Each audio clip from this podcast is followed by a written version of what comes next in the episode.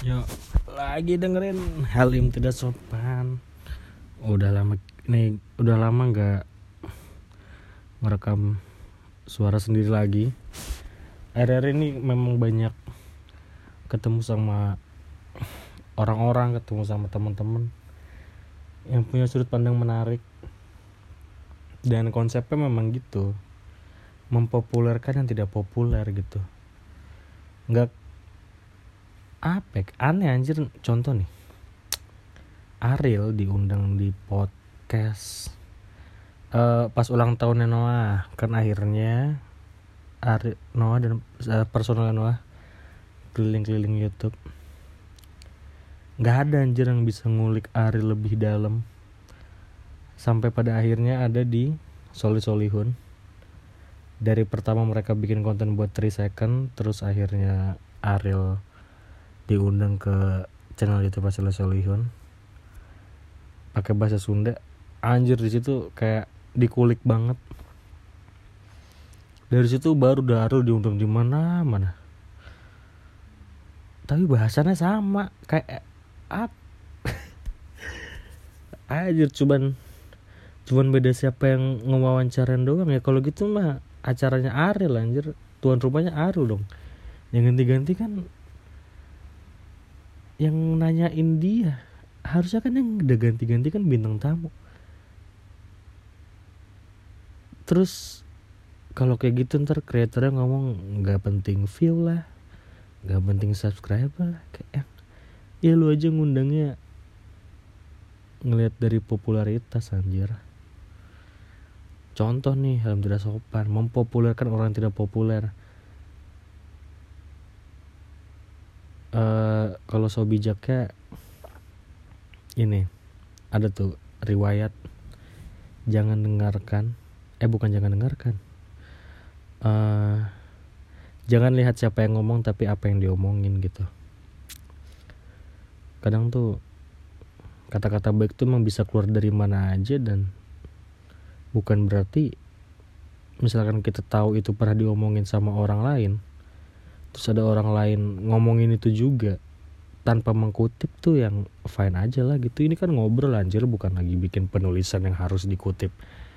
Menurut Halim 2020 gak anjir sumpah gue kesel banget kadang kalau ada orang lagi ngobrol terus.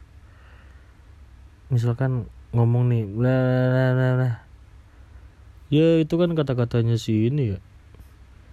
Ya kenapa harus di kenapa? Maksud gue gue tidak sedang ngobrol dengan dosen pembimbing loh yang harus menyertakan omongan itu sumbernya dari mana. Ya udahlah dan gue pun tidak mengaku-ngaku itu omongan gue atau bahkan kadang gue lupa itu omongan siapa tapi karena saat gue denger itu dan gue ambil value-nya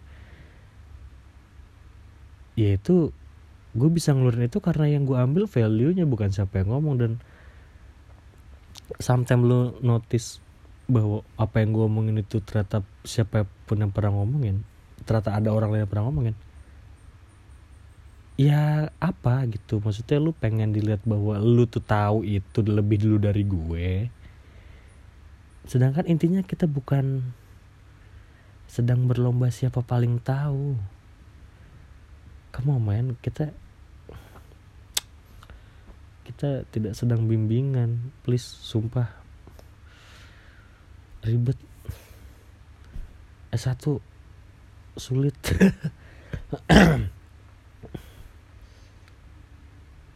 Gila ya lulus. Gini aja rasanya kerja sambil kuliah tuh. Masalahnya gue juga nggak bisa apa ya nggak mau mencurangi dengan berarti gue kuliah terus gue bisa izin seenaknya gitu. Maksudnya maksudnya maksudnya seenaknya tuh gini. Misalkan gue uh, bilangnya mau ngurusin kuliah tapi gue pakai buat leha-leha. Karena gue harus ngeganti waktu kerja gue yang gue pakai untuk ke kuliah. Gue harus ngeganti itu ya malam misalkan misalkan gue baru mulai jam 6 jam 6 malam jam 7 lah kalau kalau baru nyampe rumah jam 6 jam 7 baru mulai dan gue harus kerja 8 jam. Sesuai waktu yang hilangnya tuh bayangin 8 jam dari jam 7 anjir. Berarti jam 3 pagi gue baru kelar. Itu aduh mana apa ya?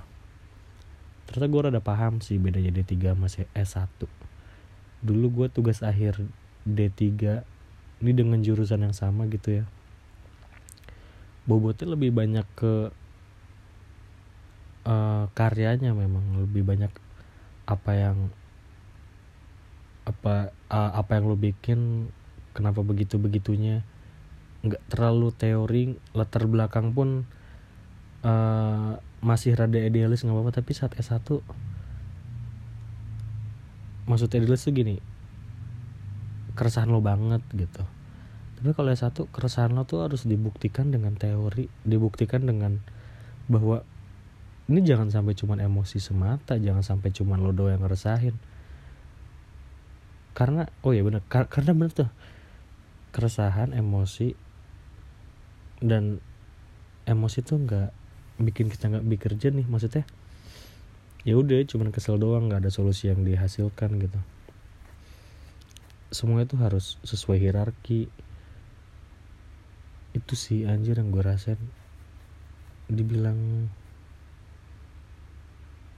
tapi apa ya? Uh, akhirnya gue menemukan wadah di mana gue bisa hmm, men, bukan apa ya wadah buat menuangkan keresahan gue gitu. Gue emang bukan tipikal orang yang uh, every time every day bikin something. Enggak gue kalau bikin sesuatu harus ada sesuatunya harus ada ini tuh buat apa? gitu. Harus ada klien. Contoh kayak pameran ya kliennya kan berarti si pameran itu gitu. Gue nggak bisa tuh yang ucuk-ucuk bikin atas dasar kemauan gue sendiri. Nah akhirnya uh, yang gue tangkap kalau lu lanjut S1 buat apa sih Lem? itu buat membeli wadah agar gue bisa menuangkan keresahan gue. Dan banyak yang dikorbanin gitu. Dan uh, jadi sudut pandangnya bukan lagi soal gelar. Itu sih yang yang gue ngerasa beruntung gitu. Sejauh ini setiap gue masuk kuliah sudut pandangnya nggak nggak ke arah gelar. Kalau uh, jadi ilmu yang bikin nagih gitu saat dibilang suka nggak tahu tapi nagih gitu untuk ngedalamin bagaimana uh, ilmu ini bekerja bagaimana ilmu ini uh, punya hierarki berpikir. Itu seru banget gitu makanya gue kesel banget kalau ada otodidak otodidakers yang apa ya nyebutnya ngeganggu aja gitu ngeganggu ekosistem. Ngeganggu ekosistem ekosistem ekosistem kerjaan di keilmuan ini juga bukan karena duitnya karena gue yakin uh, yang otodidak punya pasar sendiri. Kita kita yang lahir dari akademis juga punya pasar sendiri. Tapi otodidak itu merusak justru merusak ekosistem keilmuannya gitu. Karena uh, keilmuan itu bicara jangka panjang. Keilmuan uh, apalagi yang apalagi ya bukan berarti yang di luar ini maksudnya apalagi yang udah masuk dunia institusi pendidikan tinggi itu pasti bermanfaat buat masyarakat gitu. Ada manfaatnya buat masyarakat dan dampak besarnya adalah untuk negara kita oh berarti ilmu ini tidak ada manfaatnya untuk masyarakat? Nggak gitu. Nggak gitu ya. Nggak gitu. Gitu loh. Nah dengan otodidak ini kenapa gue bilang ngerusak ekosistem keilmuan sendiri? Karena mereka kan men mengotodidakkan ini pasti mayoritas lah. Uh, tujuannya duit gitu material. Gue nggak ganggu nih materialnya karena gue punya pasar gue sendiri. Yang lahir dari akademis punya pasar sendiri. Tapi ya udah gitu. Ke, uh, ada tujuan komunikasi ada tujuan edukasi yang itu tidak tersampaikan. Jadinya kalau mereka makin banyak akhirnya uh, menjadi menjadi akhirnya ditakutkan muncul teori baru yang mana uh, itu akan dimakan oleh orang-orang yang masih buta. Mungkin tadinya dia akan milih jalur akademisi tapi ngerasa bahwa ah dia yang waktu dia juga baik-baik aja gitu. Ini bukan soal materinya tapi hakikat. Ini yang masih gue belum bisa jelasin. Keresahan gue tuh lebih ke mananya tapi karena gue nggak nyebut ya ini apa gitu. Ya udah susah. Uh, dan otodidak otodidak ini tuh ngobrolin keilmuan ini gitu. Pas lagi nongkrong ya dia bisa ngobrol ini karena keilmuan ini tuh buka uh, secondary bahkan uh, tersiernya di di hidup mereka. Sedangkan gue gue gue gue lo lo sedangkan buat gue itu tuh hal yang primer gitu. Itu tuh inti hidup gue saat ini. Yang mana kalau gue nongkrong gue nggak mungkin ngomongin itu untuk apa? Untuk kelihatan gue pintar kah? Sedangkan mereka ngomongin ini udah mas sotoy kayak yang gue juga nggak mungkin bisa ngeben gue nggak nggak mungkin ngebenerin eh salah ya bener begini. Menurut bla bla bla nggak karena udah mah ilmu gue nggak seberapa gue juga nggak mau jadi orang yang gimana gitu ya. Itu tuh kadang tuh uh, ting uh, level ter terganggu level bawahnya tuh kayak gitu. Dan ada beberapa orang yang otodidak gitu pengen belajar sama gue datang lim ajar ini dong gini gini gini. Tapi setelah kita udah ada hadapan udah udah face to face dia malah pengen ngerjain apa apa sendiri gitu. Padahal konsep belajar itu adalah watch and learn. Uh, I saw you we do it together then you saw me. Prinsipnya tuh itu. Bukannya langsung then you saw me. Gak bisa. I I I saw you. Gue harus I saw you dulu gitu baru we do it together then you saw me. Nah ini juga nih ntar kalau ada dengar kata-kata barusan itu kan kata-katanya Panje tapi kan konteks gue di sini ingin menyambungkan konteks bahwa omongan ini tuh menjadi sebuah teori buat gua gitu. Bahwa ini tuh make sense. Dan ya udah malah soto gitu orangnya. Gue belum nge-show dia apa-apa?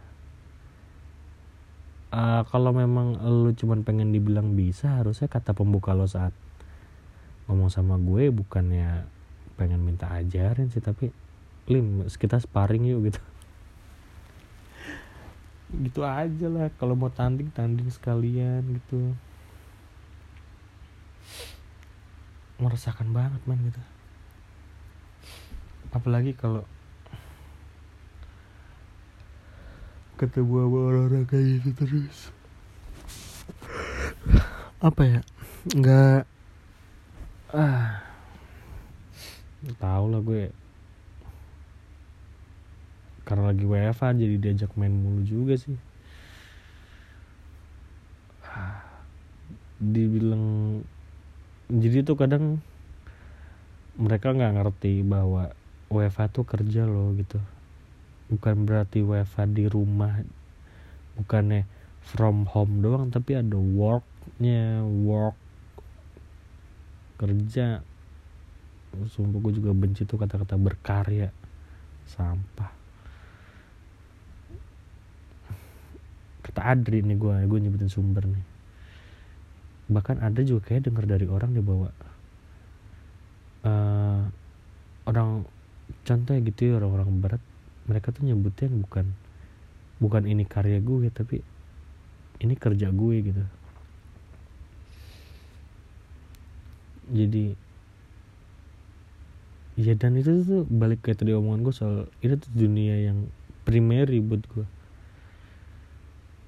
Dan akar dari keilmuan ini tuh sebuah seni terapan yang mana namanya terapan gitu ya. Lu harus tahu ini tuh akarnya tuh di sana gitu.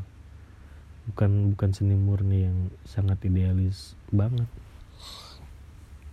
Dan serunya adalah itu gitu.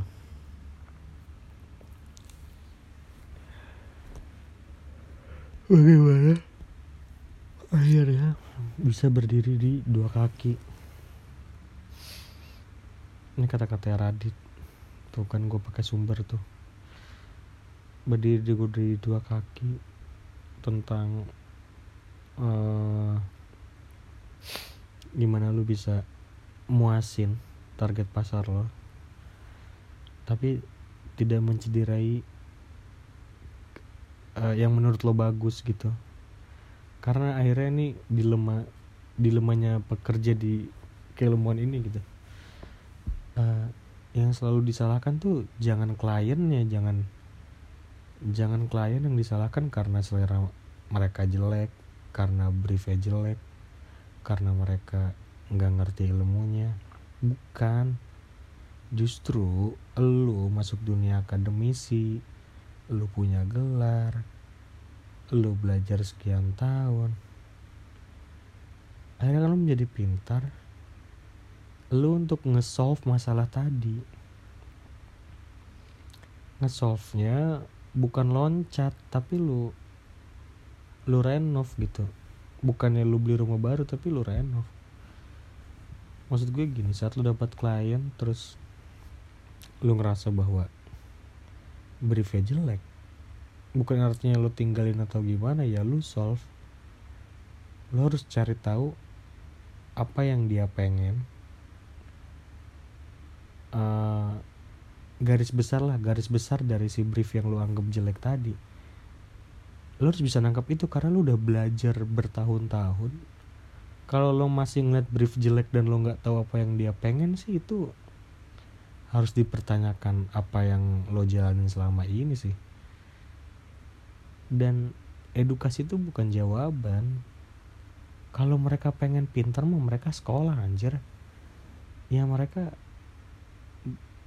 udah berbisnis udah ini maksud gue klien-klien yang memang uh, ini ya apa bukan temen yang cuma sekedar minta bikinin PPT lah minta bikinin logo mau buka warung lah enggak enggak kayak gitu nih yang uh, skalanya makro gitu.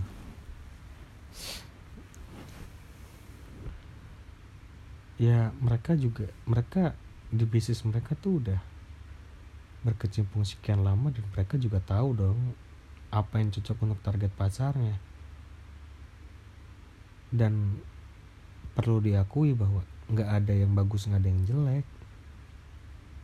Kalau harusnya kalau jam terbang lo tinggi tuh lo makin sadar itu gitu bahwa yang jelek ini punya target mas pas, pasar sendiri yang bagus punya target pasar sendiri. Dan saat lo ngerasa dapat brief jelek yang menurut lo jelek terus lo nggak sanggup buat itu dan lo menyalahkan briefnya artinya lo yang salah. Lo berarti nggak bisa masuk di pasar yang jelek. Yang mana bukan ber bukan pasar jelek maksudnya di pasar yang menurut lo uh, seleranya jelek gitu. Yang mana bukan berarti pasar dengan selera yang jelek itu tidak ada uangnya. Nggak gitu anjir uh, justru itu yang menyempitkan peluang lo menyempitkan cara berpandang lo gitu. Dan kalau lu cuma mau ngehadepin brief-brief yang bagus dari orang-orang yang sama-sama terdidik challenge lo mana? Justru kan bukankah itu yang tidak diajarkan gitu saat lo mungkin di dunia akademisi dan lo dapat brief dari dosen lo disuruh bikin tugas ini ini ini ini ini, ini ya lo bisa nangkap karena dosen itu dari keilmuan yang sama. Tapi ini kan sebuah challenge baru dari uh, ada brief datang dari market yang uh, kita anggap mempunyai seleranya yang jelek. Otomatis mereka tidak se apa namanya uh, sepandang lah eh sebahasa tidak sebahasa. Itu kan harusnya cara lo ya. Bagaimana lo nyari garis merah nyari benang merahnya? Oh dia tuh pengennya kayak gini. Gitu loh dan ya udahlah gitu maksudnya kalau cuma pengen bagus dong mah. Nggak ada sumpah ini tuh soal selera dan market aja. Dan selera kan netral ya. Nggak ada yang bisa didiskusiin gitu karena netral. Ujung-ujungnya kan kalau ngomongin selera gitu ya nggak apa sih itu kan selera lo. Ya kalau mau didebatin ya debat. Maksudnya debatin tuh ya didebatin jangan ujung-ujungnya udah lo keluarin pendapat terus malang netral itu dengan ya itu sih selera lo ya. Tahi lah gitu yang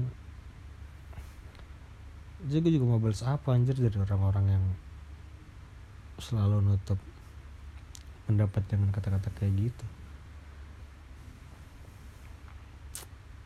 Intinya ini tuh dulu ya keilmuan yang seru gitu. Bagaimana? Uh, karena yang dilatih sebenarnya bukan skill gitu.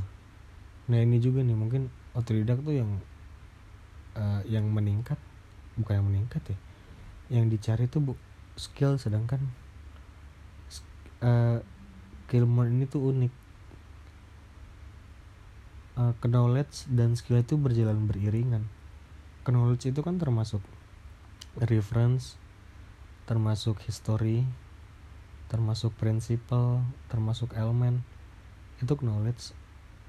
Ya skill dari ya skill juga ya lo skill tau lah ya mas nah ini tuh berjalan beriringan. Saat skillnya doang maksudnya cuman bisa mengoperasikan mengoperasikan aplikasi lo makin jago. Tools tools lo hatam 100% bahkan mungkin lo udah bisa bikin aplikasi itu sendiri. Tapi kalau knowledge nggak ada hasilnya tetap caur gitu yakin gue makanya ini tuh keilmuan yang unik di mana knowledge dan skill tuh berjalan beriringan. Kayaknya itu mungkin ya yang bikin gue resah sama otodidak otodidak ini. Akhirnya justru gue pengen gitu melestarikan knowledge knowledge ini. Menularkan lah apa yang pernah gue pelajarin ke otodidak otodidak ini. Sedangkan sejauh ini yang gue temuin otodidak otodidak ini tuh datang minta diajarin tapi lebih soal mereka. Lebih tahu mereka lebih nggak pengen diajarin terus ngapain? Itu cuma nunjukin lo udah bisa ini. Ya gimana gitu kayak. Intinya ini dunia seru banget gue ngerasa beruntung bisa ada di sini. Dan bisa nyebur ke dunia komersialnya juga karena uh, ya knowledge tadi dan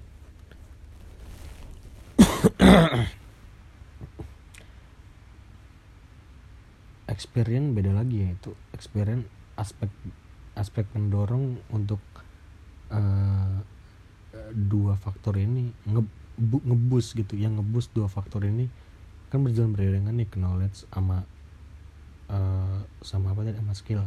Ibarat kata dia di satu tabung. Nah experience itu menjadi pendorong tabung ini meloncat lebih tinggi gitu. Experience tuh ya jam terbang gitu gitu loh. Dan kenapa loh nah experience ini berjalan berbanding lurus dengan uh, equipment.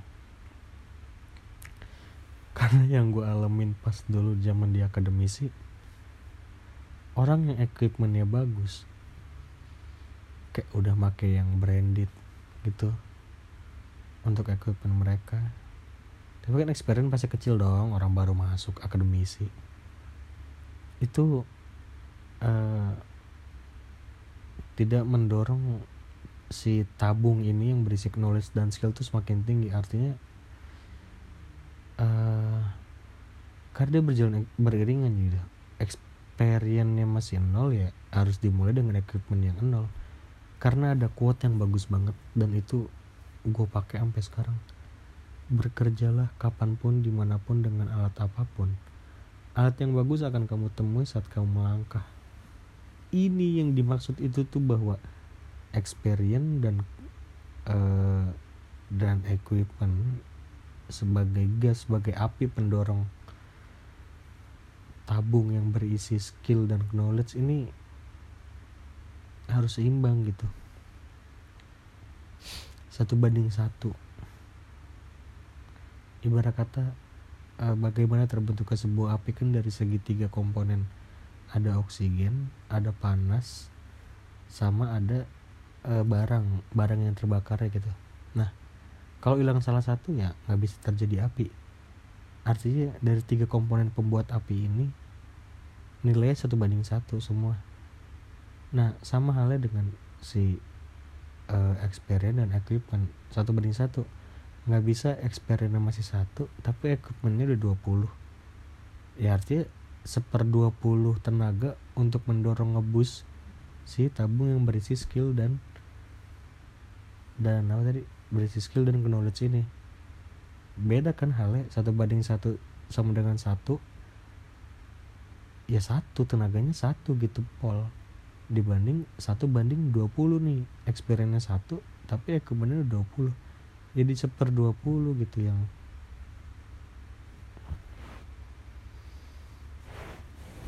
lah pokoknya anteng-anteng aja gitu yang nggak usah gimana-gimana lah. Gue juga nggak merasa terusik gitu gue punya pasar sendiri. Tapi please gitu nggak usah yang uh, apa ya mungkin gue sensi aja kali ya ini karena karena gue udah ada di sini dan mereka mungkin memimpikan ada di posisi gue jadi mm, ngerasa sumringah gitu kayak kayak ngelihat dunia ini yang ya sama kayak ini deh sama kayak orang yang ngeliat artis yang kan suka ada yang dia kan begini begini begini. Lo tau gak sih artis tuh gini gini gini gini. Berteori dengan ya mungkin itu asumsinya mereka doang tapi jadi karena ada pembatas tadi antara kita dan apa yang kita inginkan ya tadi TV gitu pembatasnya ya layar monitor. Akhirnya kita berasumsi dengan apa yang kita inginkan dan kita tidak nyebur ke sana gitu. Sedangkan gue nyebur di sana dibilang ingin gak ingin juga gue nggak pernah jadi penontonnya. Tapi uh, dia ditakdirkan ada di dalam TV tersebut dan suatu saat gue bisa duduk berdampingan dengan penonton gue. Dia menonton gue ngomong babi ibu tentang apa yang ada di dalam TV tersebut kan gue pasti ngerasa yang mau bilang nggak gitu tapi gue juga nggak mau so tahu ya. Bukan gitu. Ayo. Aneh banget gue kagak bisa tidur kan jam segini. Kayak yang tidak bisa tidur di waktu yang gak tepat. Apa sih harus matiin lampu apa gimana? Coba tunggu gue matiin lampu dulu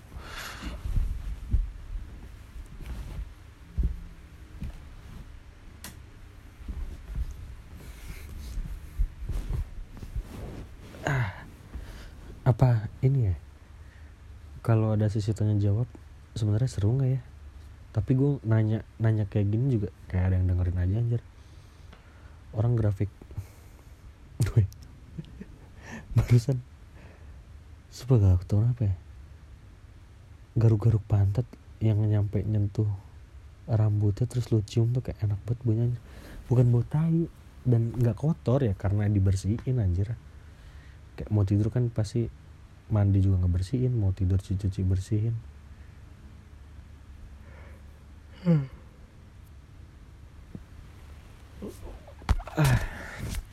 Semoga 30 menit itu cukup Untuk mengisi hal-hal yang udah jarang terisi.